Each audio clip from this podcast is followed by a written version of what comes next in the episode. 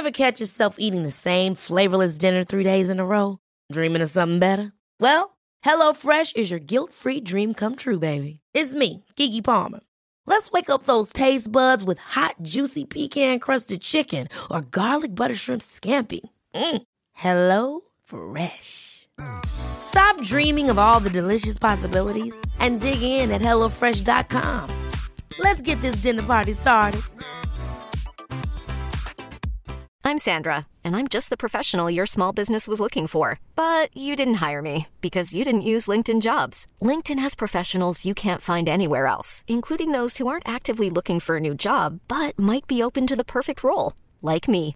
In a given month, over 70% of LinkedIn users don't visit other leading job sites. So if you're not looking on LinkedIn, you'll miss out on great candidates like Sandra. Start hiring professionals like a professional. Post your free job on linkedin.com/achieve slash achieve today.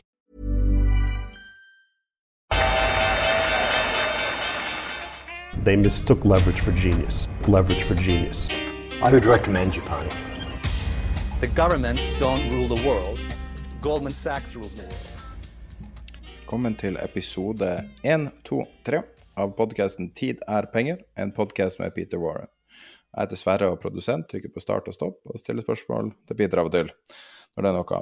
Eh, I dag skal vi snakke om en rekke temaer, blir å touche en del inn på Kina, snakke litt om fond og diverse andre ting. Det er masse forskjellige temaer i dag, så jeg tror det er verdt å høre på.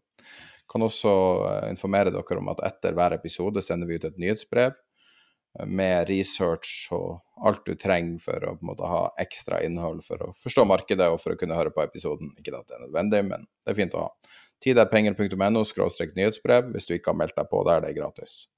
Vi har også en Patrion-side, Det er tiderpenger.no patrion. Da hvis du vil støtte podkasten, og i tillegg får du da promofrie innlegg.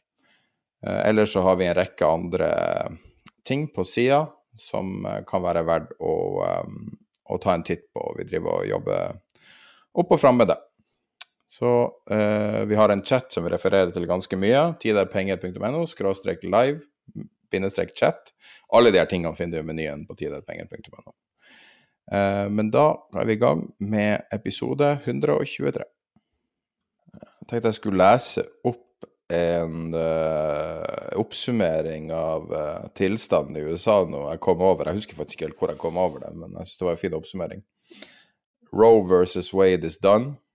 Nordcal, altså North California, uh, Northern California is on fire. New York is underwater. Afghanistan is under siege. A second tropical stor- storm just hit. The pandemic is still raging. Children's hospitals are running out of beds. North Carolina just had its second school shooting in less than a week. Ja. Det er tingenes tilstand i USA. og det var de positive nyhetene? Mm. Ja.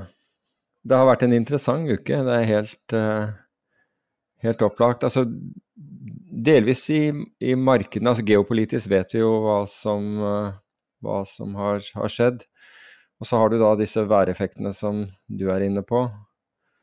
Um, og så kom vi ned til, uh, til non-farm payrolls på Altså uh, på, på, på fredag, hvor uh, estimatet var, var vel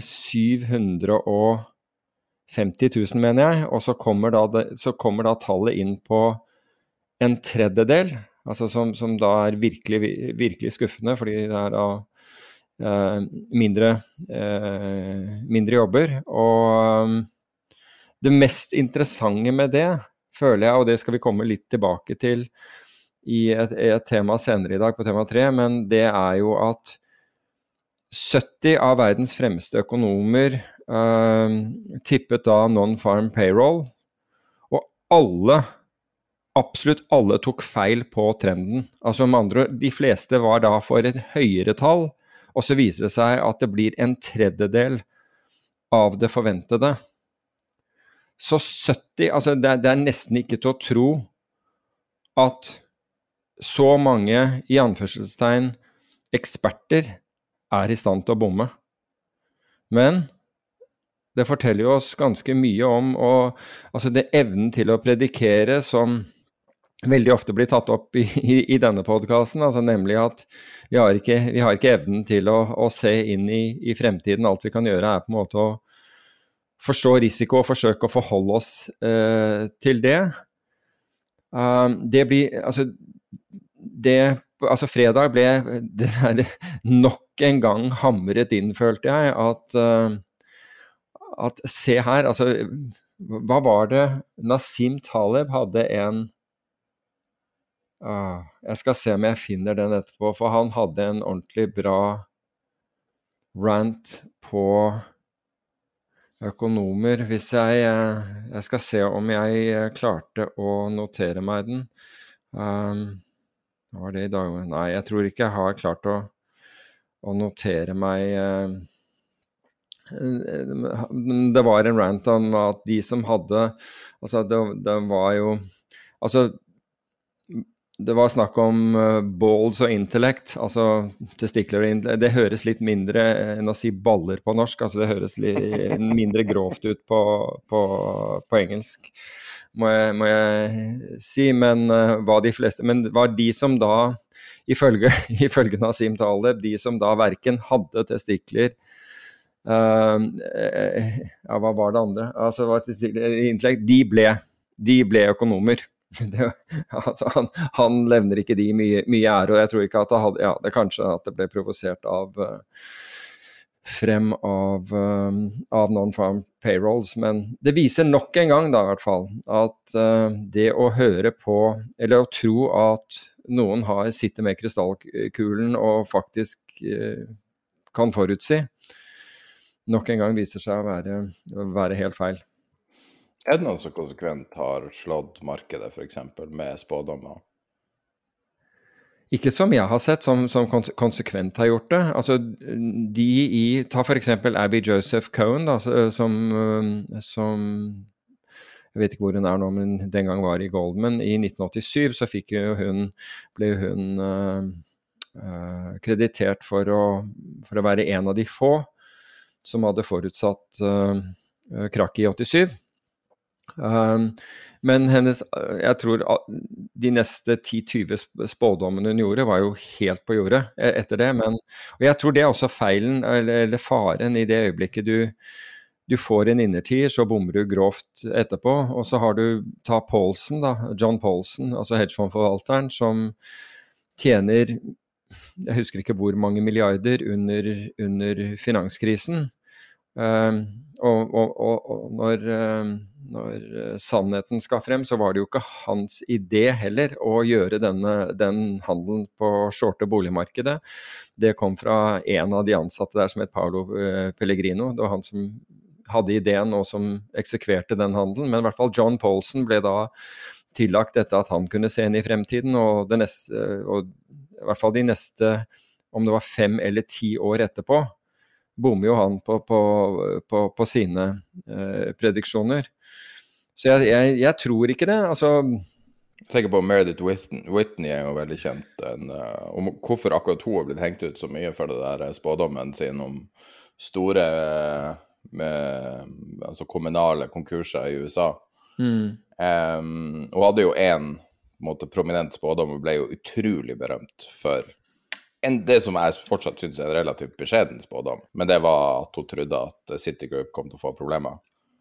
Um, og etter det så ble hun sett på som en sånn uh, Sven Gali omtrent. Altså ja. en uh, hellig person som kunne alt om, om, alt. Og så etter det har hun vel bomma stort sett på, på alt hun har sagt offentlig, så Men jeg tror jo at en del av dette går ikke nødvendigvis på på intellektet til, um, til, vedkommende, eller intellektuell kapasitet nødvendigvis. Jeg tror at mennesket er så skjørt um, at det at du får en voldsom innertier altså Når en person gjør det, så er jo det en person som vi ikke på en måte hadde forventet at skulle gjøre det på forhånd. Det er ikke, det er ikke som om vedkommende har hatt rett i de ti foregående gangene, og derfor så, så ser vi til den personen, og så jammen fikk de, fikk de rett den 11. Det er jo bare en som da plutselig dukker opp uh, after the fact, uh,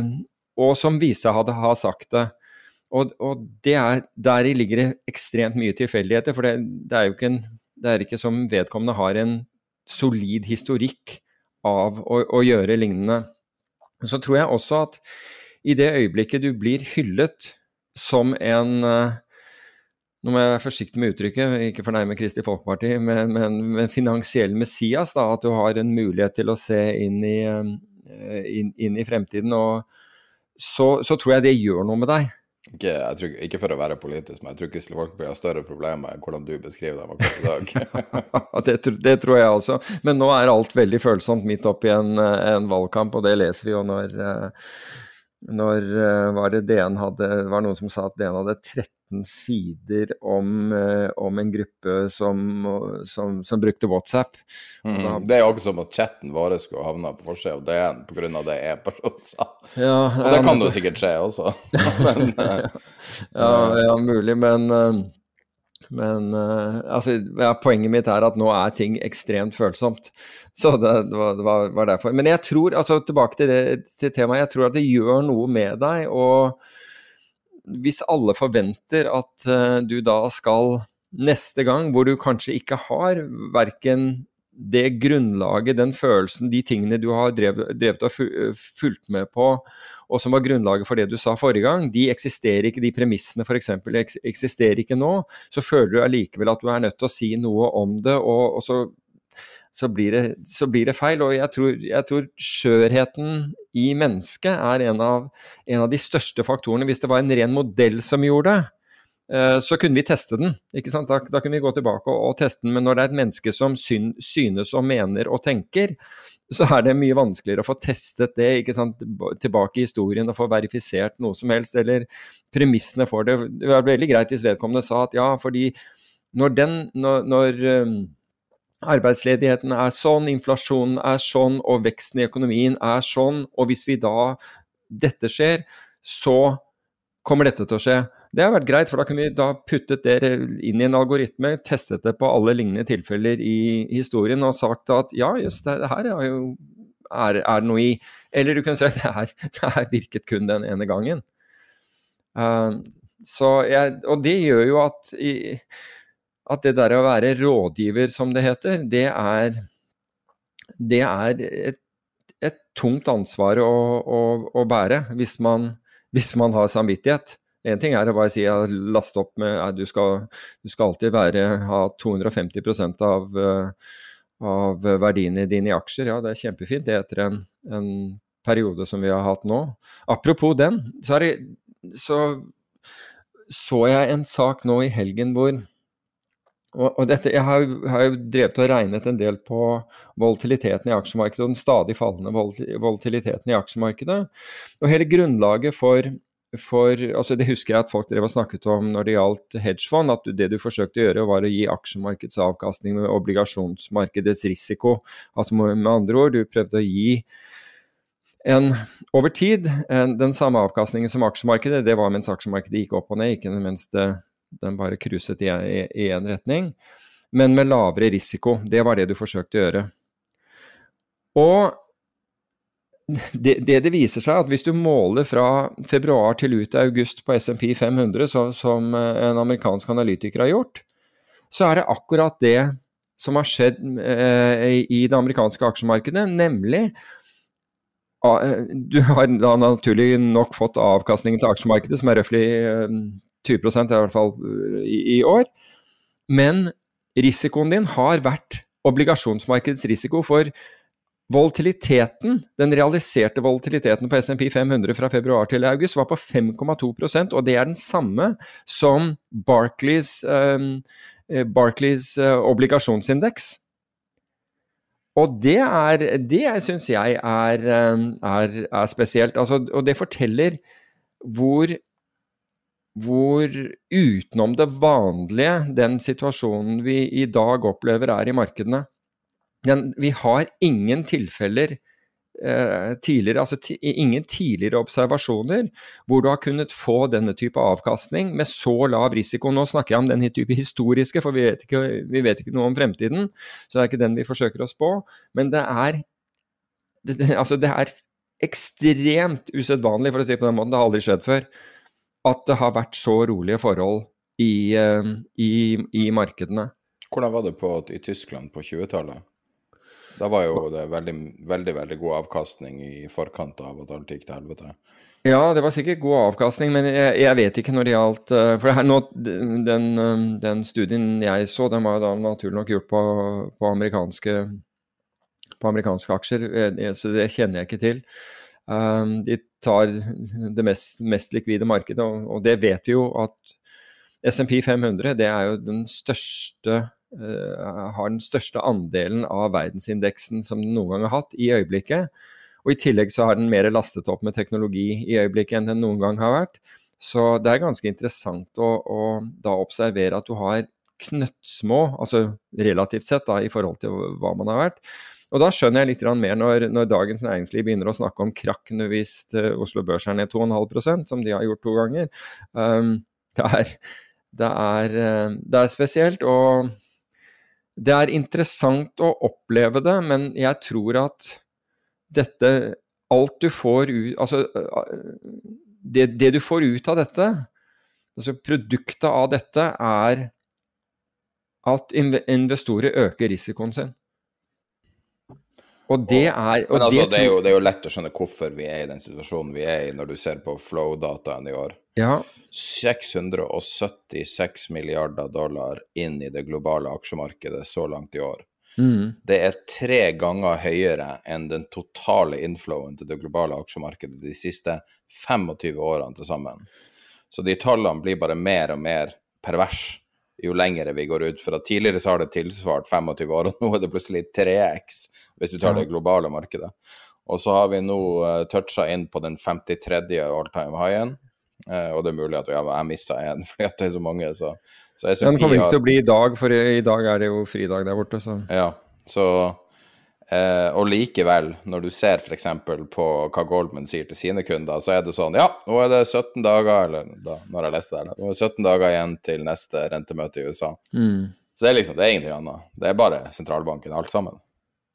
Og det er bare ja. å lure seg sjøl og tro at uh, Og tro at uh, det er andre ting som betyr noe. Også når du ser på uh, den all time high-oversikten, Bank of America har gått gjennom alle de eh, antall all time higher satt i forskjellige år. Eh, beste ever var 1995 med 77. Det var jo på en måte den første året der USA gjenbygga seg under eh, Clinton, og det var jo på en måte frislipp av markedet og alt, så det var jo et veldig mm. naturlig år. 2017 og 1964 hadde begge 62 all time higher.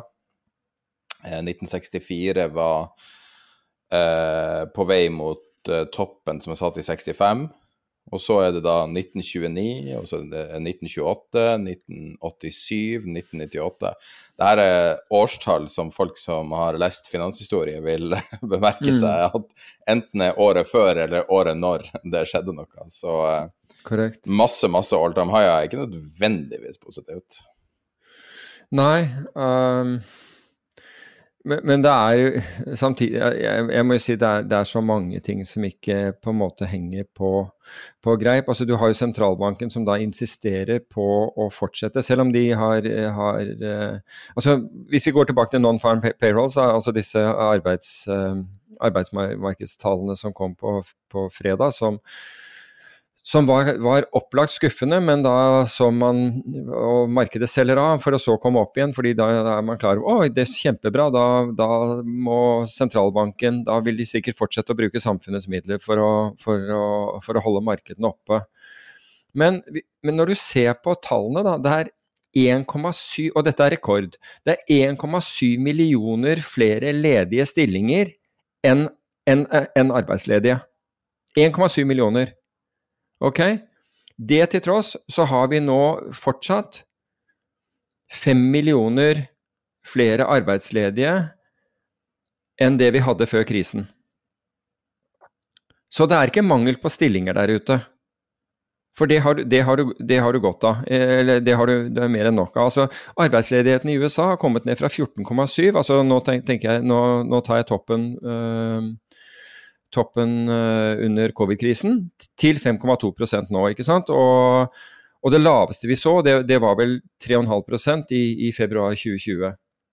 Så Du har 1,7% flere jobber, så du har mangel Du har faktisk egentlig mangel på arbeidskraft. Så mens, mens eh, Powell, altså sentralbanksjefen, insisterer på å styre etter arbeidsmarkedet, så har du flere ledige stillinger enn en, en du, en du, du, har folk til, til å fylle dem.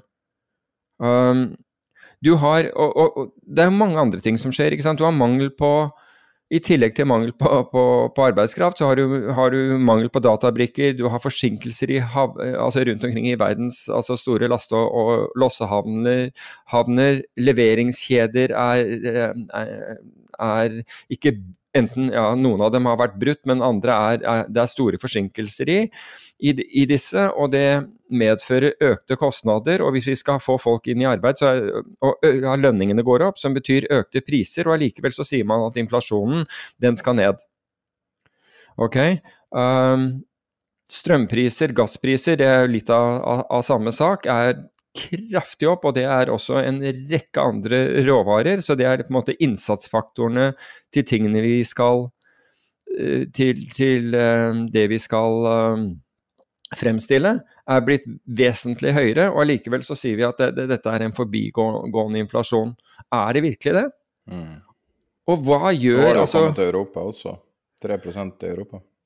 Det er 3% i Europa, og som vi snakket om sist gang, 3,9% i Tyskland. Og tiårig statsobligasjonen var på det tidspunktet hadde en rente på minus 0,4% nå, nå, har nå har den begynt å bevege seg litt, den, tiåringen. Men allikevel, du, du, blir betalt for å, låne, for å låne penger hvis du shorter, uh, hvis du shorter uh, tyske statsobligasjoner. Um, det, er, det, er, jo litt sånn derre jeg husker ikke, det er Joe Petchy som sier det i, um, i J, den filmen JFK. Um, a riddle wrapped in enigma osv. Det er ganske Du, du kjenner, du kjenner sitatet? Jeg er uenig med filmen, men uh, selve Jo, det er i JFK. Ja, men jeg er enig med filmen. altså Filmen er jo bare oppkok, men oh, ja, ja, ja. Oh, Men den er jo så briljant laga. A mystery wrapped in a riddle inside an enigma, tror jeg. ja, det, det, det, tror jeg det er. ikke sant? Og, og det er jo lite grann dette her, altså hvordan, hvordan myndighetene Hva de gjør, og hvordan de, altså hvordan de manøvrerer her. Men men summa summarum Men det er en, en interessant faktor da, som trigger mye av det her. Vi snakka jo om det veldig tidlig, eh, basert på bilder publisert på internett av folk som forlater det i anførselstegn man kan kalle drittjobber, sånn som uh, de sjøl ser det, da. Veldig, veldig lavlønna jobber i USA, og krever mange timer. Uh, altså tunge, lange timer, tungt arbeid og veldig lav lønn. Ja, restaurant- tenkt, og helsesektoren blant annet. Ja, og det skjedde jo mer eller mindre på dagen fra den andre 1200 dollar-utbetalinga til folket, altså stimulansen som ble betalt ut.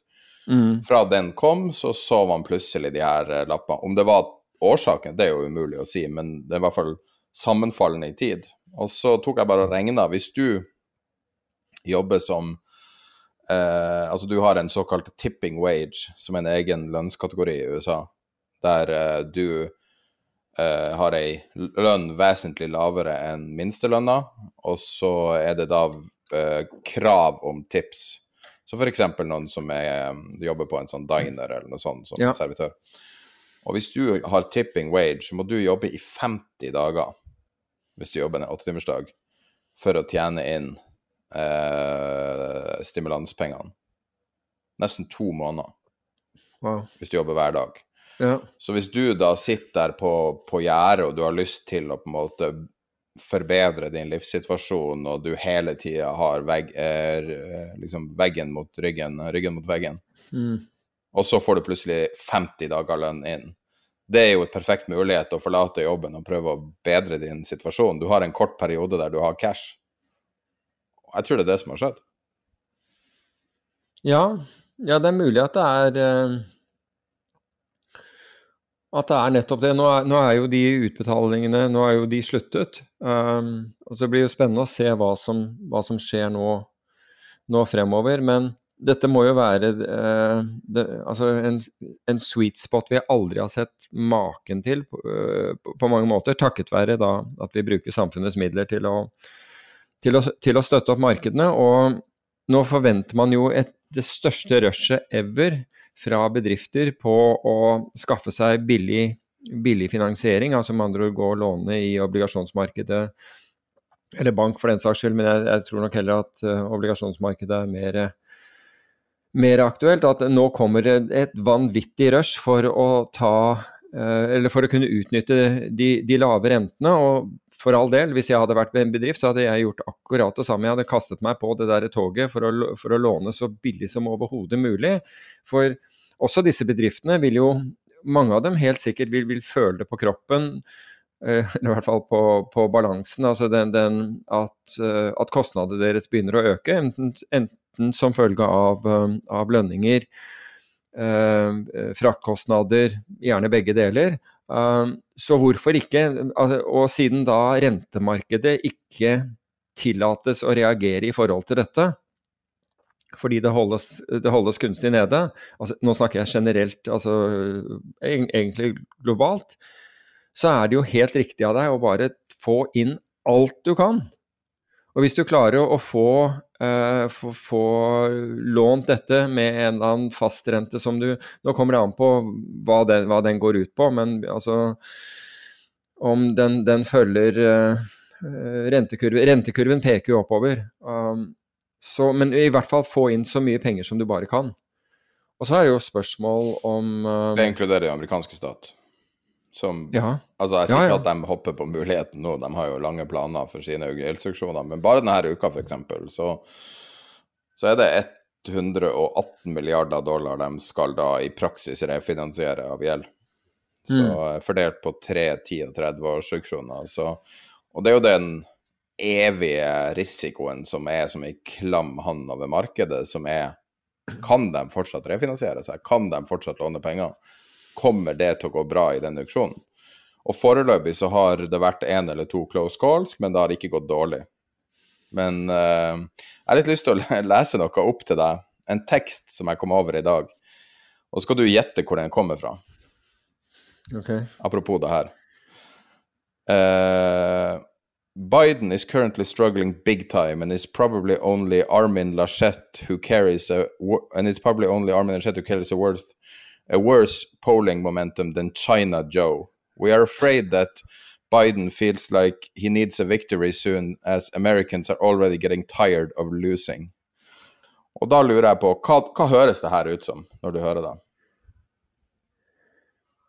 Ja, altså Det er jo egentlig en politisk analyse.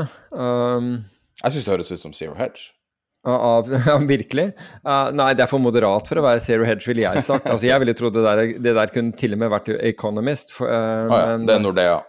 der, der, der, der, tror jeg en eller annen i Nordea virkelig slår seg på brystet og sier 'den var ikke dum'. ja, det er nå en av to her, så de skrev den i går. Og, um, nei, jeg bare syns Jeg har aldri hørt en uh, investeringsbank, eller om de er det, mm. eller om de er en bank, det kan argumenteres. men jeg har aldri hørt en uh, ta såpass stor politisk risk i en, en basic valutaanalyse. China Joe, det høres Ja, den er det, ja. Nei, det var jeg bare aldri Det tok meg litt på senga når jeg satt og leste, mm. jeg satt og leste analyser i morges. Men det er, ja, det, de er jo ganske konservative på mange ting, da. ja, men nå er jo altså ikke, ikke nødvendigvis pga. Eh, Kina, for der har han vel ikke gjort så veldig mye. Eh, annet enn å, å heldigvis ikke eh, sende av gårde ti tweeter klokka tre hver, hver eneste natt. Altså det de, det de, reagerer på, er en graf som sier at den politiske risken med Kina er dramatisk lavere, lavere enn den var før uh, Trump kom inn. Ja, Når du sier politiske risken, da snakker du om den internpolitiske risken i, i Kina, eller? Nei, altså risken Kina, altså det, Ja, vis-à-vis globale... Ja, vis-à-vis USA, liksom. Altså vis-à-vis verden. Uh, du kan få den grafen jeg bruker, det heter uh, GeoQuant China Political Risk Score. Så den er mer eller mindre på det laveste det har vært. Uh, og så tar de da og stiller det opp mot, mot valutaen dollar mot kinesiske yuan. Ja, akkurat. CNH, det er, vel, er det onshore eller er det offshore? det, er det CNH CNH er vel offshore, og CNY er, er uh, onshore, er det ikke det?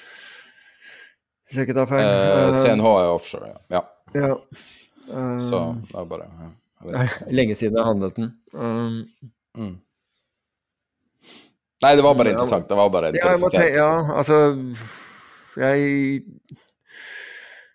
Er konklusjonen altså, Er den basert på Kina, eller er den basert på USAs agering? Det er det jeg egentlig eh, lurer på. For det er klart at selv om ikke Biden har, har eh, lempet på noe av det Trump gjorde i, under, under, sin, eh, under sitt virke, så er jo ikke retorikken i nærheten av, eh, av det den var under Trump. Og, det, og hvis det er noe av det man mener reflektert i dette, og dermed så dempes den totale risken, så kan jo det være eh, kan, Så kan jeg følge den. Um, ellers så det Ellers så tenker jeg at det er en del av de tiltakene som som skjer internt i Kina, som, som også kan ligge bak det, at man mener at det vil redusere den geopolitiske risikoen, det vet jeg ikke. Altså det, det gjøres jo ganske kraftige tiltak internt der, og Xi ser ut til å, sånn som jeg oppfatter det, uh, forsøke å, å befeste sin posisjon for veldig mange uh, år fremover. Ja. Jeg kan jo si litt hva som har skjedd siden forrige uke. Jeg synes det er artig, å, eller artig og artig. Interessant å følge utviklinga der. Så siden sist så er det blitt ulovlig å ha TV à la Skal vi danse og sånne type ting, der du kan stemme på, eh, på utfallet. Ja, i. Eh, det er ulovlig å vise det de kaller feminine menn. Jeg tror de kaller det sissy menn eller noe sånt spesifikt på TV. Eh, så begge de to tingene er da på en måte koreansk stil TV, som de da sier er praksis ulovlig.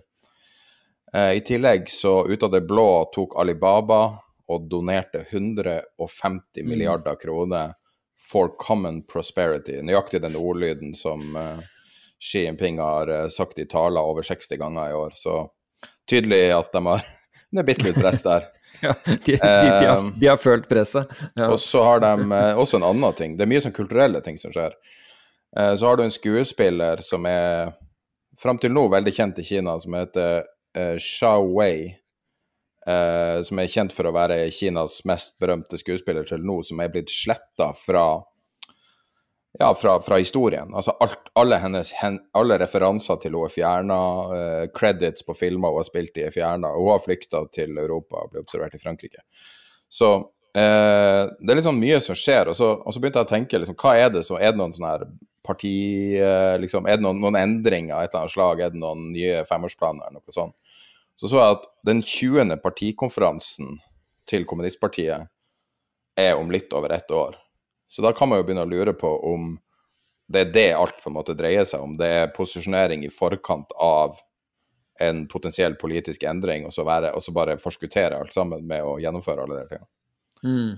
Om det er sig- signifikant eller ikke, det er jo vanskelig å si, men hvis man skal gjøre business, så må man jo tenke litt på forutsigbarheten med f.eks. å deale med Kina. Vi har jo veldig mye just in time eh, manufacturing i Kina, som nå har fått seg en kraftig smell. da.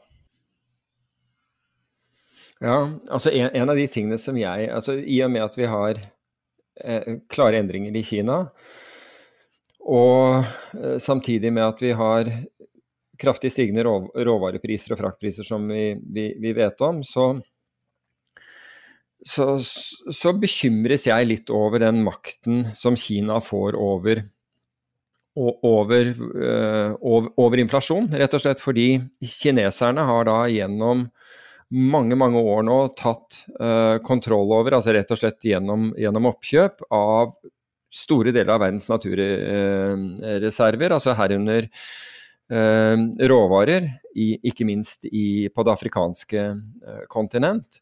Og nå begynner de å kontrollere en, en god del av dette. De kontrollerer ikke olje, riktignok, men de kontrollerer ve veldig mye annet. Altså Apropos det, det kan jo godt hende at de trenger mer, altså at kineserne nå trenger mer olje. Um, og, og, det gjør at de, de, får Altså i en situasjon hvor vi begynner å Altså hvor mange av disse råvarene allerede har blitt vesentlig eh, mer kostbare, så kan jo Så kunne man jo se for seg at Kina ønsket å, å bruke bruke det i, i sine, sine, forhandlinger, fordi de har muligheten til å skru av og på en del av denne supplyen, de, i hvert fall, i hvert fall mot Vesten. Men uh, nå, nå, skal vi ikke liksom male fanden på veggen her, men uh... Nei, men det er jo litt sånn, altså, tenk deg nå Ok, glem aksjeinvestering og glem alt det, bare vanlig business. ikke sant? Mm. Nesten alt du tar i i løpet av en dag, så begge kablene som er kobla inn i datamaskinen, datamaskinene har hodetelefonen som ligger på siden, hodetelefonen er på med mikrofonen, jeg har i koppen jeg tar i, bordet jeg sitter ved, stolen jeg sitter i. Oddsen er at en betydelig andel av de tingene som jeg nå øyeblikkelig er borti, er enten he helt eller delvis produsert, satt sammen eller et eller annet i Kina. Hele verden går via Kina. Mm. Og når Kina da gjør ei, eh, en heel turn så dramatisk, og man ikke vet hva man skal vente neste Greit at man kan si at det er bare kulturelle ting de slår ned på, men så er jo det en veldig ty tydelig signal om at, at noe, noe er i gjære. Og Eh, allerede nå så er det jo en betydelig sjanse for at vi får det sånn som det er i England nå, med tomme butikker. og Nå er det jo England pga. brexit, men likevel. Mm. Eh, det at vi får tomme butikker om relativt kort tid, og det er jo allerede tomme butikker i noen segmenter. Så, og de her tingene betyr jo utrolig mye, ikke bare for hverdagen, men også for økonomien. Så det er jo viktig å sånn sett prøve å forutsi hva som blir å skje, selv om hvem er jeg eller hvem er du for å analysere Kina, for vi vet jo ingenting. Egentlig. Det er jo en Nei. black box. Det er det. Um, men jeg la merke til bl.a. at amerikanske bilsalget hadde nå droppet, nybilsalget hadde droppet ganske kraftig. Og det var en som hevdet det var rett og slett fordi det, altså, det var fordi man hadde, man hadde ikke komponenter. Oi, ja, ja. Um, Syv millioner og, biler ja, globalt. Mm, så, så da Men poenget mitt er at Kina altså mulig gjennom, eh, gjennom, altså delvis gjennom kløkt, men også delvis gjennom uh, altså det, det, som skjer i, ellers i verden, har plutselig kommet i en, i en, en enda større maktposisjon enn, de tidligere har vært. Da. Så får vi se hvordan de vil, og hvordan de tenker å utnytte den. Du har jo snakka om den relative makta man har i makroøkonomisk forstand og valuta og lignende. Mm. At du trenger ikke å vinne sjøl, men du må, du må, bare vinne mer enn de andre. Ja. Eh, og det er jo altså sånn, hvis du tenker deg korona og hele liksom for de siste to årene, så har jo Kina hatt en relativt veldig sterkere posisjon. Um, de, de, fleste har sikkert fått med seg da rapportene fra, eller den etterretningsrapporten fra USA, den samlede etterretningsrapporten som da hadde som hensikt å finne ut hvor, hvor eh, viruset kom fra, uh, altså koronaviruset. Og um, det er ingen tvil om at det kom fra, eh, fra Kina, men det var vel kun én av disse organisasjonene, mens, de, mens, alle andre var uenig i det. Det var kun én som mente at dette kom fra, fra eh, et laboratorium, eh, og, og et, si, om, om, man vil et våpenlaboratorium. Men, mens de andre mente at, at, man hadde ikke belegg for, eh, for, for, det, annet enn at dette her enten kom fra, fra, fra flaggermus eller et eller annet sånt. Det minner jo veldig mye om ebola, som ble som, som var akkurat det, det samme. Men uh, så, ja. Hva, så, du, hva du mener med å bringe det opp? Nei, jeg, jeg, altså sånn i forhold til Det har jo vært liksom spekulert på om uh, og, og, det er kanskje i, i tredje standardavviks folk det, at dette var iverksatt. Men, men kort fortalt så, var, var ingen, så, kunne man ikke konkludere med at dette var eh, eh, noe som var iverksatt av kinesiske myndigheter. Men er ikke det litt forskjellen på Vesten, eller Europa, USA og Kina? Her sitter eh, Altså, det er så store det er så store gap mellom folk nå. Folk driver og krangler. altså Én ting er nå partipolitikken i Norge, den virker ikke å forårsake så mye krangel. Men eh, når du ser folk som altså eh, steder der folk møtes for å diskutere f.eks. koronavaksine og, og, alle de her medisinene som eh, folk som nekter å ta vaksine vil pushe fram. Og du har eh, liksom de gapene mellom de to, og så har du de gapene i alle mulige liksom, saker, om det er menn mot kvinner, eller si, kampen mellom de forskjellige nasjonaliteter og alt mulig. Sånn sitter vi og krangler, og Kina bare durer på å lage framtida. Ja, altså- gjør jo egentlig det. Altså, jeg kan ikke huske at det har vært så stor sånn eder og galle i vanlige samtaler som, som det er nå. Hele tida på den chatten vi har, så må jeg stoppe, og eh, må jeg nå gripe inn og så si at, eh, at vi må legge ned noe av de her kanalene, og kanskje hele greia, fordi at folk klarer rett og slett ikke å moderere seg. De klarer ikke å ikke stille spørsmål med alt mulig, og en av de eneste reglene vi har, er ingen politikk. ikke sant? Og det er nettopp fordi at krangling kommer ingen vei med krangling. Du kommer ikke fram, Ingen lærer noe hvis alle sitter og krangler om hvem det er som er hemmelig eh, sjefen i verden. Liksom. Altså, det blir jo helt Ja. søkt. Nei, altså, jeg, jeg tenker jo at engasjement er bra, og følelser for så vidt er, er en del av det, men, men, men med måte, selvfølgelig. Altså, for det første er at du behandler folk med, med respekt er viktig. Og hvis det, og det er, altså jeg, Sånn som jeg tolker deg, så, så, så, så trekker man det der litt langt. Og det er klart, det må man jo stoppe, selvfølgelig. Eh, men at, at folk får lov å å ha eh, ulike meninger, det, altså, det, det må jo være greit, bare fremføre på en ordentlig måte og Jo, jo, men du vet jo vel hvordan ting blir lagt frem, ikke sant? Mm, Alt blir ja. mistenkeliggjort til den ytterste måte, ytterste konsekvens, eller ytterste ekstreme. Og det er slitsomt, det er, helt det er ekstremt slitsomt når det er slik. Så, men hvis vi skal bare pense litt tilbake på, på, på, på økonomi, eh, og vi begynte med å snakke om hva som hadde skjedd i, i, i slutten av forrige uke. Det som har skjedd i denne uken som jeg syns er eh, interessant, det er jo og Vi snakket om dette med bedrifter burde prøve å få inn kapital.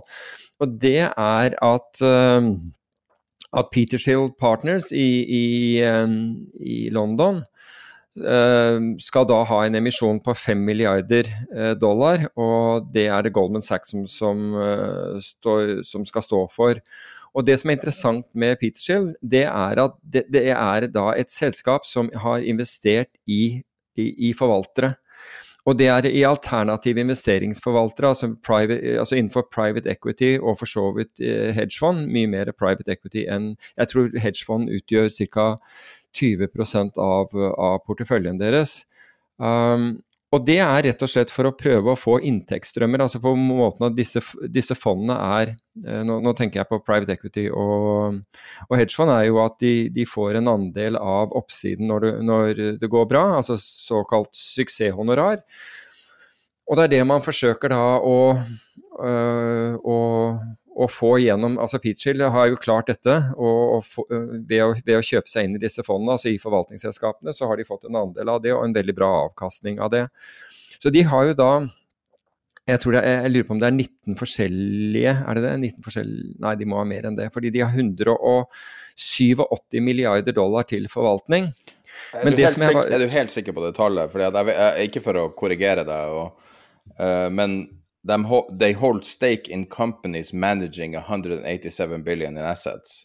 Ja, Men de holder jo ikke 100 stake. Nei, nei, det gjør det ikke. Det gjør de ikke, Men du kan si den, den samlede forvaltningskapitalen ikke sant? Som, som, her, som, som gir dem inntekter, da. Ikke sant? Er på, er på 187 milliarder. Og det som er interessant med dette her, da, er, er i hvert fall at er at eh, altså det her er delvis nye penger som skal inn, og delvis så blir det salg av, eh, av eksisterende aksjer. Men poenget her er at, eh, er at den prisingen Altså det priser da Petershill til, til, til 5 milliarder dollar, noe som er ca. 2,7% av, av liksom den totale forvaltningskapitalen som, som man, som man får inntekter av. Og det, altså Tidligere i år så var, var det et, eh, et norsk eh, fondsforetak som da gjorde en emisjon, riktignok via crowdfunding. Og jeg reagerte på det da, for jeg, jeg tenkte at her har de virkelig klart å få inn omtrent på day one over en milliard til forvaltning. fordi Hvis man så på prisingen av det, så, og internasjonal prising, så måtte man ha klart noe slikt noe. Men det hadde de ikke. Og det er da altså, så, så det for, for Petershill så utgjør det da som sagt 2,7% av liksom, den totale kapitalen man får, eh, får um, uh, honorarer fra. Og da tenker jeg at det er en av de tingene som, som gjør meg litt skeptisk med crowdfunding. Det er nemlig at, at du kan risikere at, at, investorene egentlig ikke altså, kan veldig lite om, om, prising. Det er ikke som om det går gjennom et mer åpent system, sånn som, som de gjør ved andre emisjoner som, uh, som, gjøres i markedet, hvor analytikere kommer inn og har en vurdering på det osv. Uh, men her fikk du da eh, et, et godt eksempel på på en, på en, slik emisjon. Og du kan si at Petershill, altså de de har blant de fondene da, som, som, de har eierskap i, er, er hedgefond som Caxton. Bruce Coven er veldig, veldig kjent amerikansk eh, Ja, og KKR og sånne store. Og, og, ja, og, og, KKR et oppkjøpsfond, ikke sant. Uh, uh, det er vel Acel KKR, tror jeg, en, en sånn buyout bit av, av, KKR. Men det er virkelig kjente og, og um, eh, forvaltningsforetak som, som, som går, med, går, med, solide overskudd. Da. Så, men, det, men, det, er en spennende sak, da, uansett at, at ja, det, det, jo, det, er faktisk det er 19 fond, tror jeg, eh, som de har i, i, i sin portefølje. Så det blir interessant å se hvordan den blir uh, tatt opp av markedet, for her er det jo her kan man jo da få en inntektsstrøm fra alternative forvaltere. Um, ikke bare forvaltere som, som tjener penger når, uh, på at aksjemarkedet f.eks. går uh, oppover. Og mens vi er inne på det, så Men før du går, bort, før du går bort fra, uh, fra de, opp, de, de, private fundraising-selskapene, mm. så vil jeg jo si at sånn på Silicon Valley så vil du jo kalle det her not a bug, but a feature. Det at du kan overprise ting. ja. ja. Du går altså, bevisst etter folk som da ikke klarer å regne korrekt hva det burde koste? Ja, altså nå vet ikke altså Nå vil jo ettertiden vise, eh, vise oss hva som er, er korrekt. Uh, men det fins jo visse sånne uh, benchmark, som du vil. Da. Altså, altså, hvis du går tilbake igjen til uh, 2003 eller noe sånt, så hva var det FIG, altså Fortress Investment Group, altså de, jeg lurer på om de klarte å selge seg til Om den IPO-en var på 20% av forvaltningskapitalen. Så, så, de ble verdsatt til 20% av forvaltningskapitalen. Og så day one så steg kursene videre, for å så bråsnu og så kollapset det, riktignok. Altså Fortress er, det er jo, det er for, for, øvrig Mike Novogratz, som nå er Galaxy. Han var jo, han var jo en av Fortress-partnerne. Uh, første gang jeg traff han var der. Um, og, men, men, da hadde man jo en helt annen, et helt annet syn på det, og nå er det jo da mye mer edruelig i prising. Men jeg blir litt sånn, jeg blir litt betenkt når jeg ser at, at crowdfunding kan være så lite diskriminerende. Men igjen, det kan godt hende at Fremtiden vil vise at det der var riktig. Det vet vi ikke.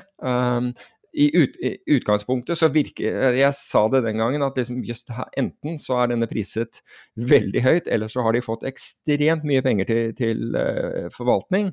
Og så viser det at det var ikke noe ekstremt mye penger til, til uh, forvaltning, så da må man liksom konkludere med at det var høyt. Men så får vi se hva fremtiden bringer uansett. Så, eh, så, vidt jeg vet, så, gjør, så, så, har i hvert fall eh, fondene her eh, Jeg tror de har nå to fond, og de gjør det, de gjør det rimelig godt, de. Altså, så det er ikke noe det er ikke noe sånn katta i sekken når det gjelder Det er flinke folk som står bak, for all del. Um, men hvis vi, hvis vi, først er inne på dette med alternative investeringer, så kan man jo glede seg over at uh, i Norden så ligger Norge best an i år på, på på, på hedgefond-rankingen, altså av de nordiske.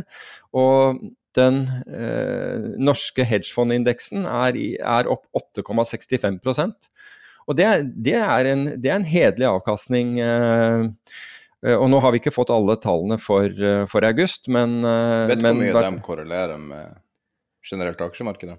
Nei, det, jeg er nok redd at her korrelerer det betydelig med aksjemarkedet. Ikke minst fordi Altså I dette tilfellet det er 16 fond som er opp, og bare to som er ned. Eh, det fondet som i hvert fall per utgangen av juli var mest opp, var da dette AAM, som, er, som jeg hver gang sier også heter OAM, fordi jeg tror de, altså de het opprinnelig Aker Asset Management, og jeg tror muligens morselskapet fortsetter å hete det. eller om de eh, også kaller de det Oslo Asset Management etterpå, etter at de flyttet ut fra, eh, fra Aker. De hadde jo penger fra, fra Kjell Inge Røkke i mange år til, til å begynne med, sånn eh, seeding. Men i hvert fall um, de, de, ligger på topp med, med, med, en avkastning på 35% per utgangen av juli. Og så har du sektor helse som, som, som ligger nederst med, med, negativ, altså med minus 3,1% som ikke er noe dramatisk uh, i det hele tatt. Og det er vel et fond som også har gjort det, altså det sistnevnte, som har gjort det veldig bra over tid. Uh, en annen ting som er, ganske, som er interessant der, og det, det har også med den diskusjonen man har nå om DNB skal få lov å kjøpe S-banken, fordi deri ligger det mange, mange fondsaktører er bekymret for det, for de mener at konkurransen vil bli mindre dersom uh, i, i fondsmarkedet. altså at de får en for stor andel dersom DNB får, får, får kjøpe, får kjøpe S-banken. Det er ikke det jeg har tenkt å ta, ta, stilling til. Men når jeg ser på Jeg kikket på da noen av disse DNBs fond, og da kikket jeg bl.a. på DNB TNT, TMT, eh, altså eh, teknologi media eh, fond. Og der når jeg, når jeg, gikk og så på det fondet, fordi det, det dukket opp i en annen sammenheng, så så, så jeg at det, Jeg tror de har ni års historikk hvor de har levert en annualisert avkastning på 0,7 okay, 0, Så det er det investorene har fått i året, 0,7 eh, Forvalterne har da tatt 1,5% til seg først. Så 0,7% er, er netto. Og så tenke, så, så tenker jeg at hvis, hvis en privat, altså en ikke-bank, fondsforvalter, altså en som ikke var da, innenfor en bank, hadde levert 0,7% avkastning, hvor mye penger hadde man klart å tiltrekke seg? Og jeg tror ganske sikkert at hvis du hadde levert 0,7% avkastning, årlig avkastning, så hadde du ikke klart å tiltrekke deg noe som helst penger, og pengene hadde rent ut. Men dette fondet her, har 435, tror jeg det er, 400, 436 millioner euro til forvaltning. Det har tapt penger de siste tre årene. Det er ikke noe dramatisk. Og det, dette er ikke for å henge ut det, men, men, det er en så stor forskjell på om du er eiet av bank, som da kan allokere eh, kunders penger til deg, hvor, de, hvor, kunder ikke egentlig vet hva de Ikke sant gå til finansielle rådgiveren din i, i, i, banken og så sier de putt det i det og det i det og det i det og, og, litt i det og det litt i det. Så det er sånn fyller man dette her opp. Og så er det totalen man, man, ser på, forhåpentlig var den ok. Men ville, jeg, jeg er temmelig sikker at du, et, et sånt fond ville aldri overlevd utenom bank. Så da kan man si, er det sunt at disse her er innenfor bank. Kanskje det er det. Kanskje det er, det er veldig bra at det finnes ett sted hvor, hvor, man kan levere så lav avkastning og fortsatt eh, beholde kunder.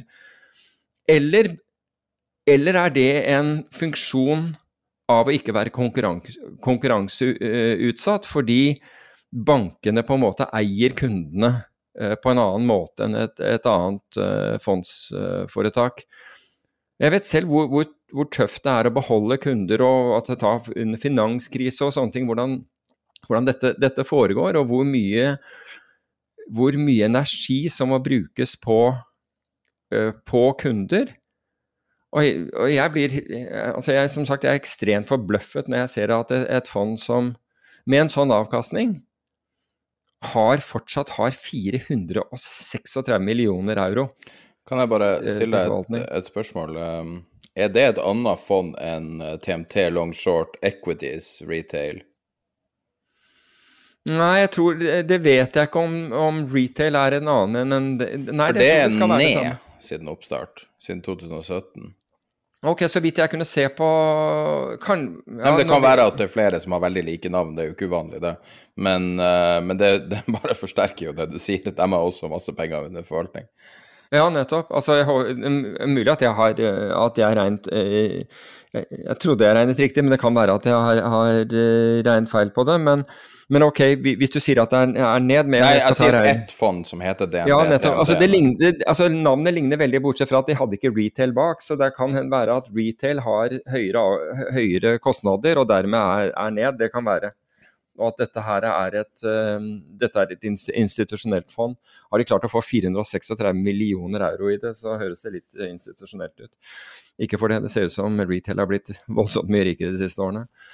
Men, eh, Mm, men, men poenget mitt er at eh, det- Men det er- samtidig, altså Det er jo bare more power to them. De driver bra markedsføring og Ja, ja, ja. ja altså, det er, det, ja. Men altså, det er mer den der diskusjonen er det bra eller ikke, eller er det ikke bra. Er det bra at det da finnes havner for eh, fond som, som gjør det sånn som dette fondet gjør, at liksom 0,7 eller altså, Det sier seg selv hvis det er, hvis det er negativt. Så, så, altså, hvor lenge vil du overleve i fondsbransjen hvis du startet et fond og hadde negativ avkastning i tre år? Hvis du ikke var bankeid? Nei, omtrent tre år. Ja, du vil ikke, altså ja, ja, fordi du har hatt negativ avkastning i tre år, så har du gjort det. Men sannsynligvis vil du ikke komme til, tre, til, til år tre Jeg, heller. jeg, har, jeg har en ting jeg har tenkt på i det siste. Jeg lufta det så vidt i den chatten. Eh, Vi har mange journalister som hører på podkasten her. Og det er en eh, artikkelserie jeg gjerne skulle ha likt å lest, eller en dokumentar, som, er, som går litt i, i sømmene på DNB. Nå er det jo, det er jo kun én bank i Norge som er statseid.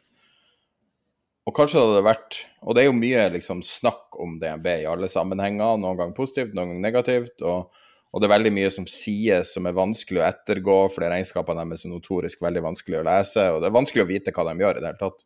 Skulle gjerne ha likt at en av de her eh, hundrevis av journalistene som hører på, kanskje hadde gått i dybden på DNB. Det hadde jeg som uh, generell nyhetskonsument hadde jeg likt å vite. Hva er det de har gjort de siste 20 årene? Alle krumspring og alle eh, liksom eh, eh, twists and turns. For det, de er jo en veldig viktig aktør i Norge, og jeg føler at vi egentlig, når alt kommer til alt, vet ganske lite om DNB. Ja, mulig. Jeg har, jeg har ikke sett på dem eh, med, med de øynene. Det har vært, sikkert interessant, det òg. Men det, Det var ikke jeg- negativt ladd, det jeg sa nå. Nei, altså, jeg vil bare ja, vite ja, hva er det de gjør, og hvordan er det de opererer, og hva er det de har Mm. gjort, liksom. Ja, ehm, det jeg vet er at, altså, og, det skal de ha, det er at de, de, ansetter mye flinke folk der. altså Det skal, det skal de ha. Um, de gangene jeg har, eh, har kommunikasjon med noen der, og være seg i markets ja, eh, eller andre steder, andre steder så, så er de veldig profesjonelle. Uh, og, og kunnskapsrike også, så det er, det er ingen forkleinelse for det, for det generelt. Men mer, altså jeg syns det er mer interessant det der å se Altså, det er andre regler, det er veldig andre regler som gjelder hvis du er innenfor en bank, kontra hvis du er en, en, en uavhengig. Og egentlig burde det ikke være det, det burde jo være på en måte en sånn konkurranse om de samme pengene, men det, det fungerer tydeligvis ikke. I hvert fall ikke ordentlig. Så Du, jeg, jeg, vi, vi skulle kanskje touche så vidt inn på Kina og rundt eh, Evergrande-obligasjonene som er prisa til mer eller mindre 100% sikker konkurs. Ja. Eh, men mens vi snakka nå, så gjorde jeg litt research. Litt førstehåndsresearch på Kina. Eh, den, det var en kar som skrev et innlegg på chatten som bare var oppe her, jeg ikke deltok i. Og så skriver han at begynner på å lure om jeg skal flytte fra Kina hjem til Norge snart. I hvert fall hver gang jeg kommer her eller leser om Kina i norske medier. så tok jeg da muligheten og, og så, spurte hvordan det er i Kina nå. Så nå får vi ei live oppdatering, realtime oppdatering av tilstanden på bakken. Helt fint for Mhm. folk flest jeg kjenner. Vært veldig greit å være her mens resten av verden har vært i lockdown. Har en kinesisk homofil venn som vurderer å flytte, og en som jobber ved konsulatet til et vestlig land, som snakker veldig mye om at dette er en ny kulturell revolusjon. Men folk flest hører ikke så mye, på, uh, hører ikke så mye om alle disse tiltakene som kommer. De bare plutselig merker litt av det, uh, litt av det av og til. Men den gjeve kineser er fornøyd. Hadde en i går som mente at jeg burde kjøpe kinesiske aksjer, og alle har fortsatt, tillit, alle har fortsatt litt til å kjøpe leilighet, så de er veldig fornøyd hvis det faktisk blir lettere. Mm. Så det var realtime-oppdatering. Basically vestlige folk i konsulatet hyler om revolusjon. Kinesere bryr seg ingenting. og enkelte folk som da er utsatt for flytta. Det syns jeg var ganske Dagene går, nøytral. med andre ord. oppsummering. Ja. Ja. ja. Og dagene går, ja. Eh, Hva du syns om realtime-researchen min? den, altså, den Det er mulig ja, I og med at det var, var flere som, som sto bak den, så kan, kunne man kanskje kalle den flerkilde, men den kommer riktignok gjennom én, så, så, så det ville kreve mer enn det for å Det er ikke det at jeg trenger å bli overbevist, det er ikke sånn jeg mener. Jeg har ikke noe Jeg har selv ikke Altså, jeg har jo vært der noen ganger, og og, og det har vært veldig interessant eh, eh, å være der, og mye å lære. Og skulle gjerne lært mer. Eh, Jeg hadde jo veldig planer. Jeg hadde jo lekt med tanken for to år siden å flytte til Kina. I hvert fall lekt med tanken. Nå vil jeg aldri falle meg inn og gjøre det. får du flytte dit? Jeg vet ikke, jeg hadde lyst til å jobbe derifra. Mm. Og jeg var veldig inspirert av det som skjer i Shenzhen, og at det liksom er på en måte det New York var i 1910, kanskje. Mm. Eh, men sånn som det er nå, så ville jeg aldri ha gjort det. Altså det, det virker å være et innskrev Og det virker ikke som at det er fint å være utlending der lenger. Som det virker som det har vært i lang tid. da. Så. Men det er jo bare min personlige oppfatning. helt også. Ja. Nei, jeg, jeg vet ikke om jeg kan bidra så, så mye der. Skal vi gå over til uh, dumme økonomer? Ja, gjerne. Et tema vi har uh, avventa nå i en måned eller noe sånt. Ja, uh, og dette, dette kommer eh, det, er en, øh, en, en forsker, han er vel mer forsker fordi han, han underviser jo også. øh, han heter Svein Ølnes, og han skrev et innlegg i Dagens Næringsliv om, øh, som er 'Hvorfor er økonomer så dumme?' Nå sa jeg det på, på bokmål, han, er, han, er, han, skriver, han skriver nynorsk. Men, men poenget hans er hvordan økonomer fullstendig skyve fra seg øh, kryptovaluta, og man bruker dette med sammenligning med, med tulipaner i, i Altså den Hva kalte man tu- tulipanmania i, i, i Nederland, eller i Holland? Og hvordan økonomer var bare var ikke interessert i å ta inn over seg, og brukte masse energi på egentlig å snakke ned bitcoin som stadig, som stadig nevnes her, og at man ikke øh, vil ta dette på alvor. Og Det er ikke det at man, man nødvendigvis, etter min oppfatning, trenger å ta det på, på alvor, men det å reflektere over krypto, det syns jeg godt man man kan gjøre. Og så kan man ta, ta, ta, stilling til det. Men de aller fleste viser altså Når, når du har økonomer, så, så, dytter de det bare fra seg og, og viser til uh, denne galskapen rundt, uh, rundt tulipanene. Men det, det, er jo For det første mener jeg at det er, det er helt irrelevant. Og så andre er at de går tilbake ja, som du stadig hører, at ja, men du kan ikke gjøre transaksjoner, eh, mange transaksjoner på bitcoin. Det er helt outdated, det er umulig å, at dette kan bli noe. Men det er jo ikke snakk om at, at bitcoin skal bli noe her. Det er snakk om hvorvidt, en, hvorvidt krypto kan, kan bli noe, og hvorvidt teknologien kan bli noe. Og det å avskjære det virker på meg så ekstremt arrogant. Uten å, å ta, ta, stilling til det. Altså, det, det, ville være som Jeg vet ikke, det ville være som altså, vet, Var T, T-Forden aller første bilen? Må, må, nei, nei, nei, nei, det var den nei, første må jeg lage annet. Hva sier du? Ja, var ikke det Mercedes-Benz som var den første? Jeg vet ikke, men, men, hvis du tok den første bilen da, og sa at det, det er aldri i verden, fordi den, for, for, alt jeg vet, den gikk ikke mange kilometerne i, i, i tid. Ok, men, og jeg ikke vet jeg hvilken topphastighet det er, men hvis du sa at ja, den, den, den, går ikke like, den kan ikke trekke like mye, mye som, som et, et, spann med hester, og går, og går ikke like fort som en hest galopperer, eller et eller annet sånt, du hadde jo bare sett begynnelsen av teknologien. Når man hele tiden går tilbake igjen til bitcoin og sier ja, men det, helt, det går ikke an å gjøre transaksjoner Nei, altså jeg, jeg er helt enig. Altså bitcoin, jeg, jeg, vet ikke om bitcoin er den kryptovalutaen, hvis, hvis vi skal bruke valuta bak det, hvis det, hvis det er det som er målet. Som, som, kommer til å overleve? Sannsynligvis ikke, fordi den er jo begrenset. Og vi har snakket om dette før, at Ethereum er, har en mer, mer avansert blockchain. Uh, som tillater disse smartkontraktene og, og betingelser ved, ved handel osv. Og, og nå har du da Solana. altså Du, du har jo en hel haug av, uh, av uh, forskjellige kryptovalutaer og blokkjeder. Og på Solana kan gjøre like mange transaksjoner. Jeg tror er det 50 000 transaksjoner i sekundet. Det er like mye som Visa. Og det har jo vært den største Altså den, det argumentet som du da hører Jeg har ingen investering i Solana, bare så det er sagt med en gang. Um, men det er jo det argumentet du hele tiden hører, er at det går ikke an å få gjort transaksjoner det, det, er ikke mulig å gjøre så mange transaksjoner som er nødvendig for at, uh, for at dette skal være uh, noe farbart på noen som helst måte. Vel, man har løst det allerede. Så fort har det gått å løse det. Solana jeg, Hva var det jeg så en, en, statistikk, jeg tror jeg skrev den ned på Jo, altså Solana hadde en market cap i, på 1.1 på 75 millioner dollar.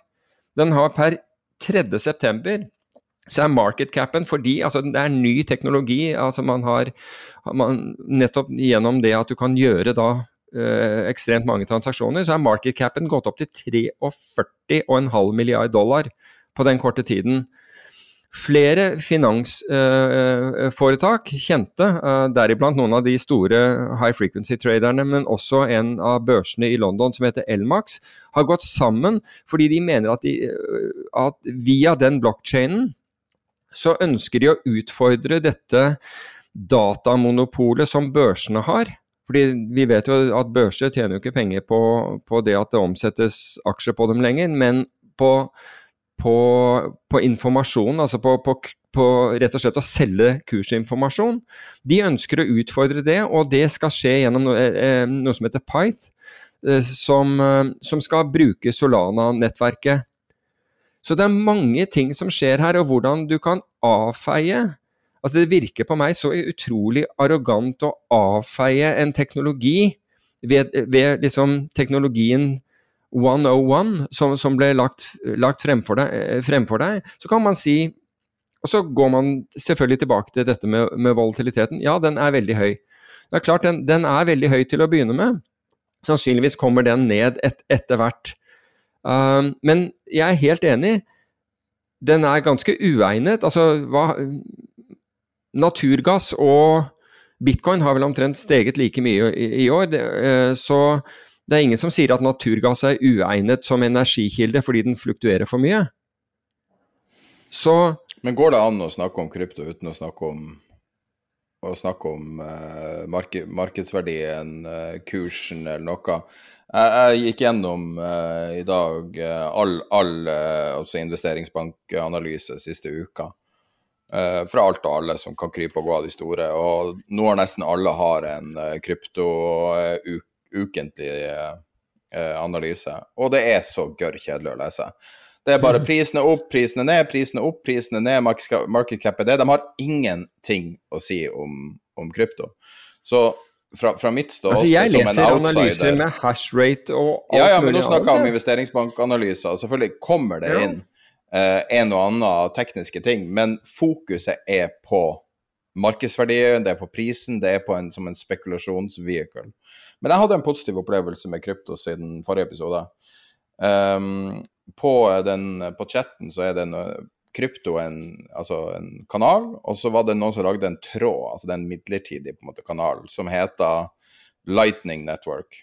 Mm. Og da var det en del som diskuterte uh, Lightning Network, som er da på en måte bygd på, på bitcoin. Ja. Og, så, og, så, var det noen som oppfordra meg til å laste ned appen Wallet of Satoshi. Og, og prøve å liksom ta imot en overføring på en uh, hva det var, en, en tjuendedel øre eller noe sånt. Og det var bare for, å, bare for å se det an. Og i forhold til hvor, hvor eh, måte, altså fotavtrykket, UX-opplevelsen og sånn selve mm. faktisk daglig brukeropplevelsen, så var det helt enestående. Det var tilsvarende som første gang jeg brukte VIPS, f.eks. Det var helt magisk, og det her var i hvert fall i, i lignende størrelse. Nå vet jeg ikke helt hvordan jeg får det her til å, at jeg kan kjøpe melk og brød med det, men um, det går sikkert an på et vis. Men Det hadde vært artig hvis uh, man kunne snakke litt mer om tekken og litt mindre om avkastninga, fra mitt ståsted. Som mm. en, en, person som har, er moderat interessert i det. Men med en gang man begynner å snakke om teknologien, så blir det her interessant. Når man begynner å snakke om hvor rik folk blir av å finne opp mm. penger ut av lufta, jeg vet ja, ja. ikke. altså. Nei, men Jeg er enig med deg, og det, det var egentlig det jeg savnet i Altså, han, eh, Svein Ølnes han fikk jo da umiddelbart svar. Det dundret jo på med fornærmede økonomer. Uh, som viste til da, da, tulipaner og volatilitet og, og, og alt dette her. Istedenfor at altså det er ingen som på en måte tar dette her litt inn og tenker ja, det kan f.eks. gjøre det. Det har disse manglene, men hvis man løser det, så, så kunne man gjøre sånn og sånn. Um, og, og da, da, da, Jeg må innrømme at eh, det hadde jo da ikke skjedd når jeg hadde besluttet å, å nevne, å nevne den, eh, det innlegget til, til Ørnes. Men når du da på, på, på fredag eh, som jeg nevnte innledningsvis, altså når non-farm eh, payrolls kommer, og 70 av 70 økonomer bommer fullstendig på retning. Det er, det er, ikke bare at de tar litt feil av tallet, men de, de er helt på gæren side av, av, alt som skjer. Da føler jeg at det er på tide at økonomer blir litt mer ydmyke, og kanskje setter seg i hvert fall inni det, slik at de kan diskutere, som du akkurat nå nevner, ut fra et teknisk ståsted. Og ikke ut ifra liksom, de, de, er fortsatt på den Daimler-Benson eller T-Forden-teknologien, eh, istedenfor å se på hvor er vi hen i dag. Fordi det er tydelig at det har gått dem helt hus forbi at det har vært en utvikling siden, siden uh, bitcoin-blockchain, bitcoin i hvert fall. Um, og, det er bare det å få en balanse i det. Jeg har ikke svaret her i det hele tatt, bare så det er sagt. Men jeg interesserer meg for det. Og ser, og ser også at her, her, er det muligheter. Og jeg tenker jo Bitcoin har gruset, absolutt gruset aksjemarkedet de siste ti årene. Kanskje vi, altså det er, det, er, ikke bare de siste tre månedene, men det er de siste ti årene. Og Det betyr at alle, alle forvaltere, altså rådgivere og disse her, på engelsk så heter det å ha egg i trynet. altså you have egg, egg, on your face. Det er når du har liksom oversett noe og ikke, ikke fått med deg noe. Men det har faktisk ekstremt mange rådgivere er i, de, er i den situasjonen. Så istedenfor at, at man tar dette fra et ståsted av forsvar, fordi man skal prøve å forsvare seg, hvorfor man ikke har gjort det, og at dette er dumt, og hvorfor, osv. Isteden er, er villig til å ta, trekk pusten og kikk litt på, på, på dette. Og, og, kanskje det er noe du har oversett, kanskje ikke.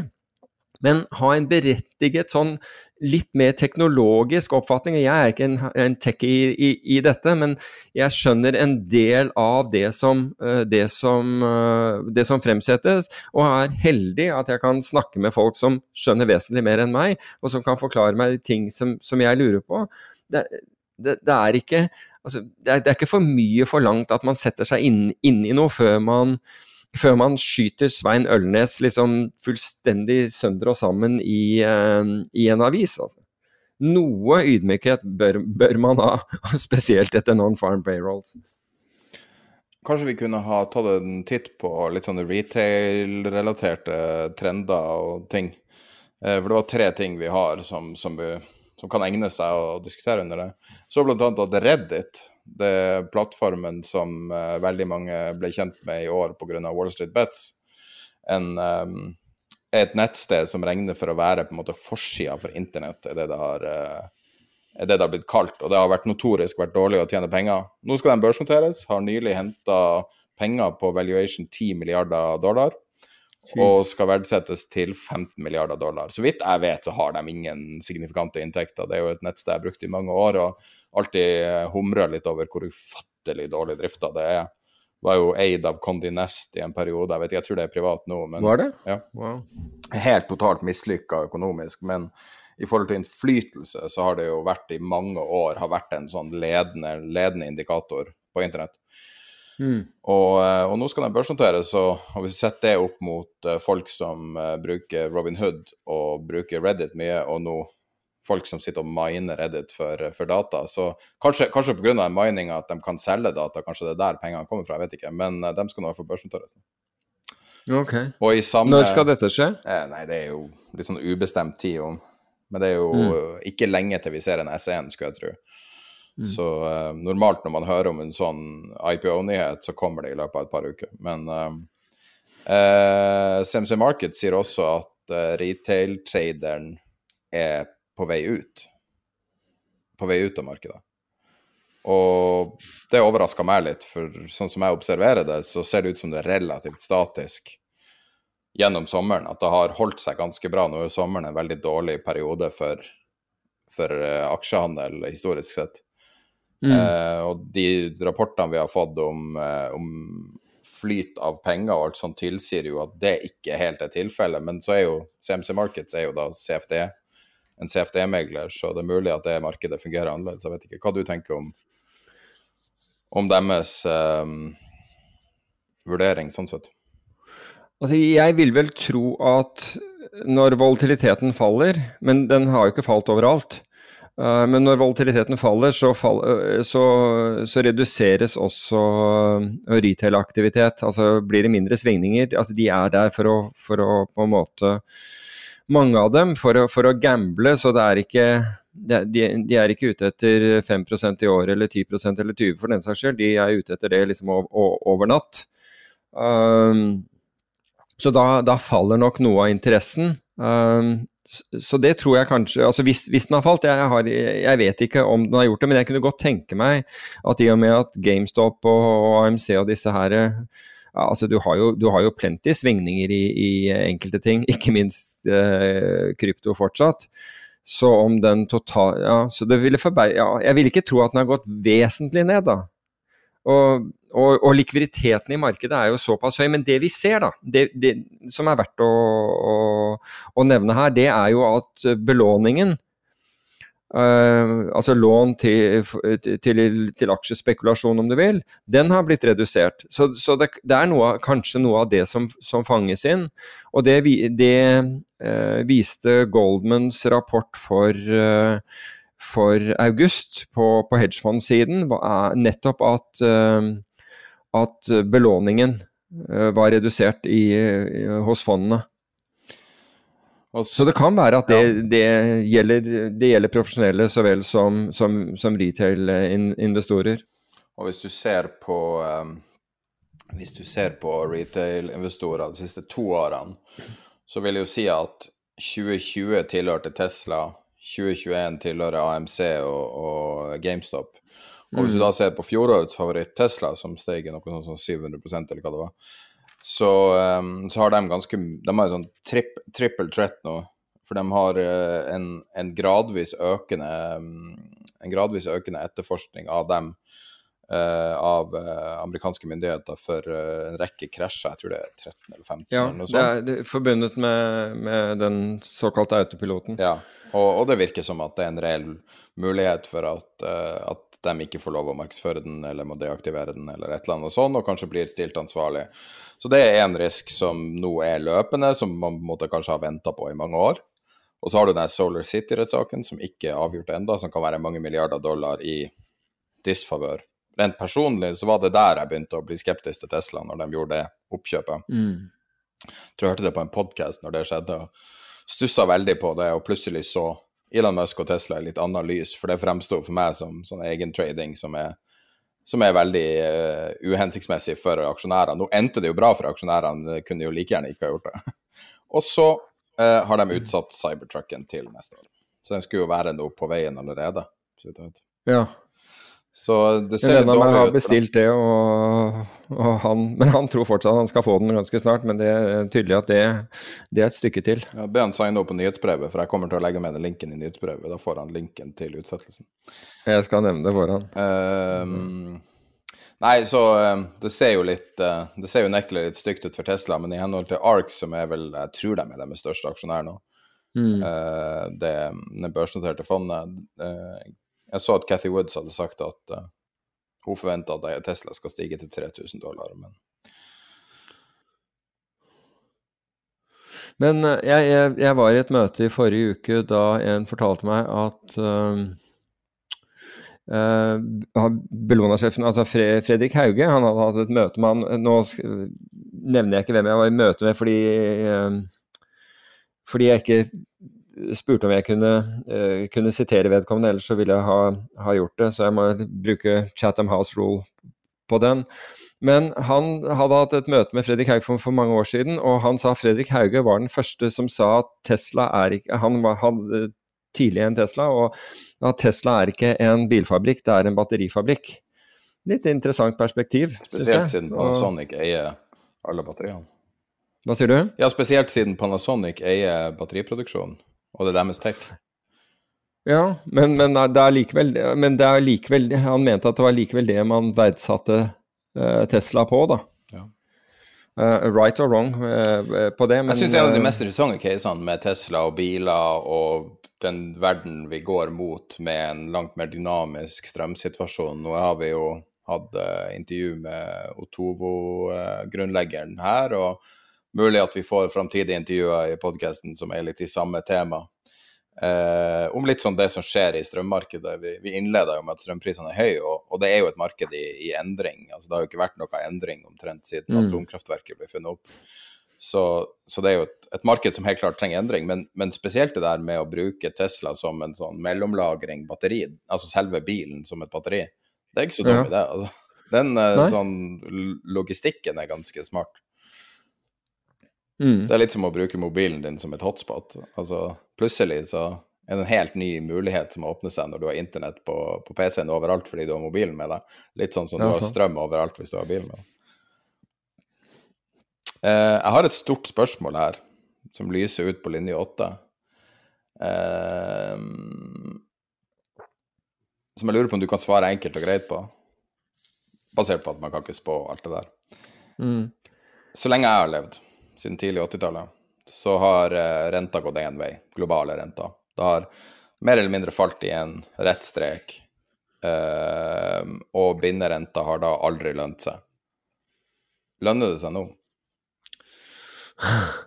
Uh, altså, først så må vi, bare for å forklare det for de som eventuelt ikke vet dette her, kanskje de fleste gjør det, og det er at du har en, du har en positiv rentekurve. Altså forward-kurven på renten, den er positiv. Med andre ord, eh, jo lenger ute i tid renten er, det høyere rente betaler du. Altså med andre ord, et toårslån betaler du mer for enn om du låner penger i, i dag, altså på flytende rente, og femårslån er høyere enn det, og tiårslån er, er høyere enn det.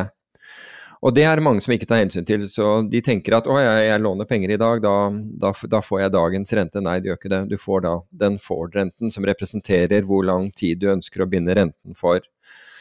Og jeg er litt sånn øh, strukket her fordi på den ene siden du, du, venter sikkert et, et sånn enkelt ja- og nei-svar, men jeg, jeg, klarer ikke å gi et enkelt ja- og nei-svar på det. fordi på den ene siden så tror jeg på, på, på de um, de inflasjonsimpulsene som vi ser. Jeg tror at det blir at inflasjonen kommer til å, å, øke, og det skulle tilsi at renten går opp.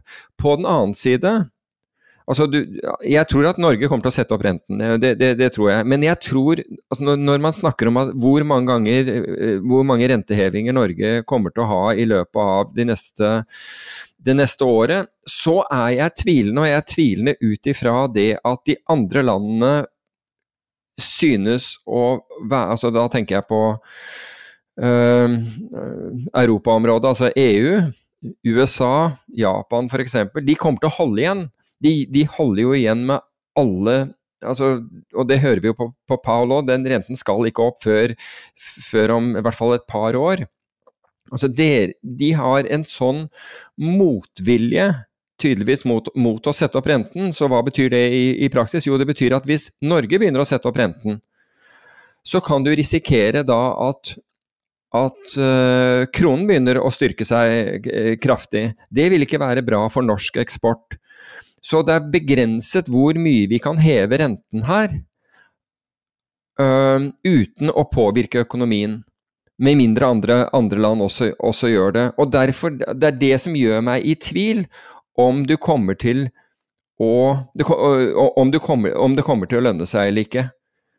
Det, for de som er på marginen på, på, på nåværende nivå, altså de, så, så, vil det uansett være en, risikomessig fornuftig betraktning å sørge for at du ikke går over den marginen. Altså med andre ord at, at du ikke begynner å, å, å, å, tape voldsomt med penger. Altså Hvis du ikke har råd til at renten stiger for f.eks. ett prosentpoeng eh, til, så, så, må du jo gjøre noe. Eh, da du, men da gjør du ut ifra en risk reward-betraktning. Uh, men jeg, jeg, er rett og slett usikker nettopp pga. at det er så tvetydige signaler. Det er veldig tydelige signaler fra Norges Bank. Ekstremt tvetydige, eller det, egentlig det motsatte, ikke tvetydige, men det motsatte signalet fra, fra Den europeiske sentralbank, og ikke minst uh, Federal Reserve og, og, og Japans vet ikke engang hvordan de skal begynne å heve renten, tror jeg, for det, ikke, det der har de glemt. Så Derfor så er jeg i tvil, og Norge kom, kan ikke opptre uavhengig av det andre land gjør, fordi rett og slett pga. internasjonal handel. Eller vår handel med, med utlandet. Så dersom uh, Norges Bank ligger foran på kurven i forhold til de andre. Setter opp renten, norske kronen begynner å stige, så klarer plutselig ikke norske eksportører å selge varene sine i utlandet. Det vil ikke være en heldig eh, situasjon for, for eh, norsk økonomi. Så det er derfor jeg er i tvil. Jeg er sånn hvor mye er priset inn? Hvor ja, det kan være at det er marginalt at jeg, kan, uh, at jeg vil tjene penger på det. Det kommer også an på for øvrig hvilken margin banken din legger oppå eh, legger oppå fastrenten sin. Der må man i hvert fall shoppe, fordi det er nesten mer å hente på, på, på det enn på, på usikkerheten rundt, uh, rundt, om den renten kommer til å uh, ellers kommer til å lønne seg eller ikke. Så konklusjonen min er at jeg vet ikke, for å være helt ærlig, nettopp pga. disse forholdene gjør det hvis, altså hvis, hvis, eh, hvis, renten stiger og det betyr at du må gå fra gård og grunn, da, da, da, sier det seg selv hva du må gjøre. Da har du for høy risiko. Du må sikre det. Sikt noe, i hvert fall. Vi har tre små temaer igjen. Uh, jeg har ingen plass å slåtte det inn, så hvis du vil ta det, kan vi ta det nå. Hvis ikke, kan vi flytte det neste gang. Ja, altså eh, Det var én ting som, som, jeg tenkte som var, som var, litt interessant, og det var disse uh, Special Purpose uh, Acquisition Companies, SPAC-ene, uh, som, som, ble superpopulære i år, og som alle mulige filmstjerner og popstjerner sto bak, i, i, i hvert fall i USA. Og det viser seg da, av, tallene nå, at denne galskapen altså det, med disse spekkene har kostet uh, investorene 75 milliarder dollar. Det har med andre ord altså, SPAC, Det er ikke noe galt med SPACs i utgangspunktet, men de, de har, i år tok det fullstendig av. og Jeg tror mange pløyet penger inn i det uten egentlig å vite hva, uh, hva de drev med. Og Resultatet er da er det da nettotap på 75 milliarder dollar. Det er da i samme anledning interessant å se at norske advokater, og det senest i dag i avisen, de ønsker at um, Finansdepartementet letter på regler så du kan få spekker i Norge. Uh, og det skjønner jeg godt, fordi uh, der er det enormt med honorarer. Hvis, hvis, du klarer å få til det. Og da må jeg få lov å, å, å uh, sitere Tor Christian Jensen i DN, uh, som om forretningsadvokater sa takstameteret går mens bilen står stille. Så jeg syns det var godt sagt. Men uh, nå går jo taksameteret når bilen står stille ved sitt taxi, da. ja, ja, det, det er sant. Men her går det fort. Her, her, går det helt, eh, helt klart uh, fort. Og hvis jeg, hvis jeg, kan ta et sitat til, så er det fra tidligere eh, mange ganger siterte Kjetil Hatlebrekke. Um, og det gjelder den der med, med økonomer og, og, og, krypto. Og han sier at balansen mellom ydmykhet og arroganse går på den sylskarpe knivseggen som også skiller selvfølelse og mindreverd. Godt sagt det òg, altså. Virkelig godt sagt. Um, helt på slutten uh, så av de tingene som jeg hadde, det er at eh, DAX-indeksen, som forbausende mange nordmenn trader, enten via CFD, kanskje en god del også via, via futures, men den elsker de antageligvis pga. volatiliteten, den, uh, kommer, den endrer seg denne måneden, for det kommer til ti, ytterligere ti selskaper. Det er kun 30 selskaper i, uh, i DAX. Og nå kommer det til ytterligere ti selskaper i, i den indeksen. Så fra Jeg regner med at uh, endringen skjer etter forfallet av september-futuren, som er rundt midten av måneden, så vil den dagsindeksen være en annen. Så for uh, de som uh, tracker den kvantitativt, så må de da enten prøve å konstruere en DAX bestående av 40 aksjer eh, å, for, å, se hvordan den beveger seg. I hvert fall det jeg har tenkt å gjøre. Um, slik at du, slik at du, du si, gjenkjenner det som foregår og har en mening om, om det som foregår. Fordi karakteristika ved, ved indeksen kommer etter all sannsynlighet altså det, det er jo snakk om at den den øker, altså antallet selskaper i indeksen øker med 33 så, så etter all sannsynlighet så, så, vil den så vil karakteristika, altså måten den beveger seg på, endre seg noe. Airbus, Zalando, ja. Siemens, Healthineers, Simrise, Hello Fresh, Porsche og Brenntage er sannsynlig å bli lagt til. Og litt mindre sannsynlig er Sartorius, Puma, Beiersdorf, Quaigen og LEG Immobilien. Hmm. Jeg har hørt om Porsche.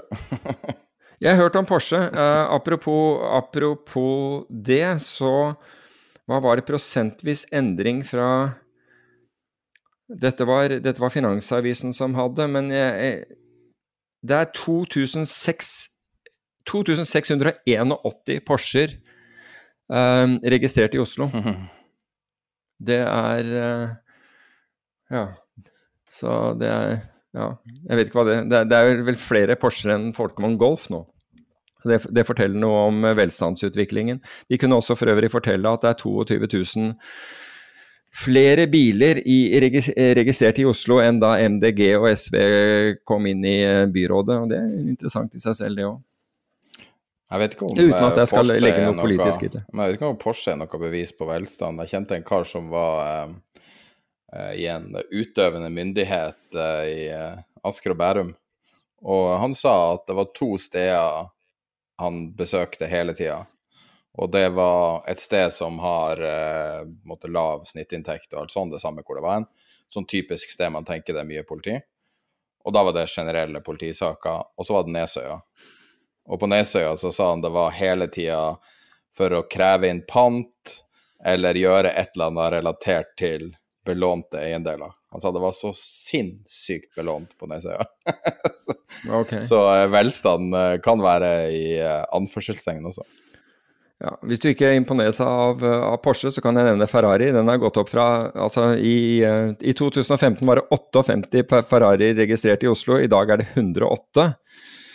Og så går vi til Bentley. Eh, som da, det kommer Lamborghini, det er så masse Lamborghini. Ja, det vil jeg gjerne Ja, ok, da. 131% oppgang. Hvor du har den der statsen fra? Finansavisen. Ah, ja. Jeg kjøpte den på, på, på lørdag. Du er mest overrasket over at du leser Finansavisen. Nei, altså jeg kjøpte den på lørdag, og jeg angret jo også på det, fordi halve, halve avisen viste seg å være sånn trykkfeil i den, så det var bare noen no, no farger i, i, halve avisen. Så jeg gikk tilbake igjen, jeg trodde det var bare min utgave, men det viste seg å være i alle utgaver, så Oi. du fikk bare lest noe. Men jeg syns den statistikken der var, var in, in, interessant. Så men, i, men, når det gjelder Rolls-Royce, det er bare 2 flere enn i 2015. Bentley derimot 69% Ja, det er jo den der ben, ben, Benjega Den der SUV-en. Bentayga, eller hva det. Ja. Så. ja, det er bra. Det er bra uh, research du har gjort med å lese det Finansavisen. ja. Da jeg endelig kjøpte avisen, så, så, var, så, var, det trykkfeil i halve avisen. Ja, hva kan man gjøre? Men i hvert fall, den tabellen syns jeg var morsom. Supert. Men skal vi ta og runde av, da? Høres bra ut. Så ses vi neste uke.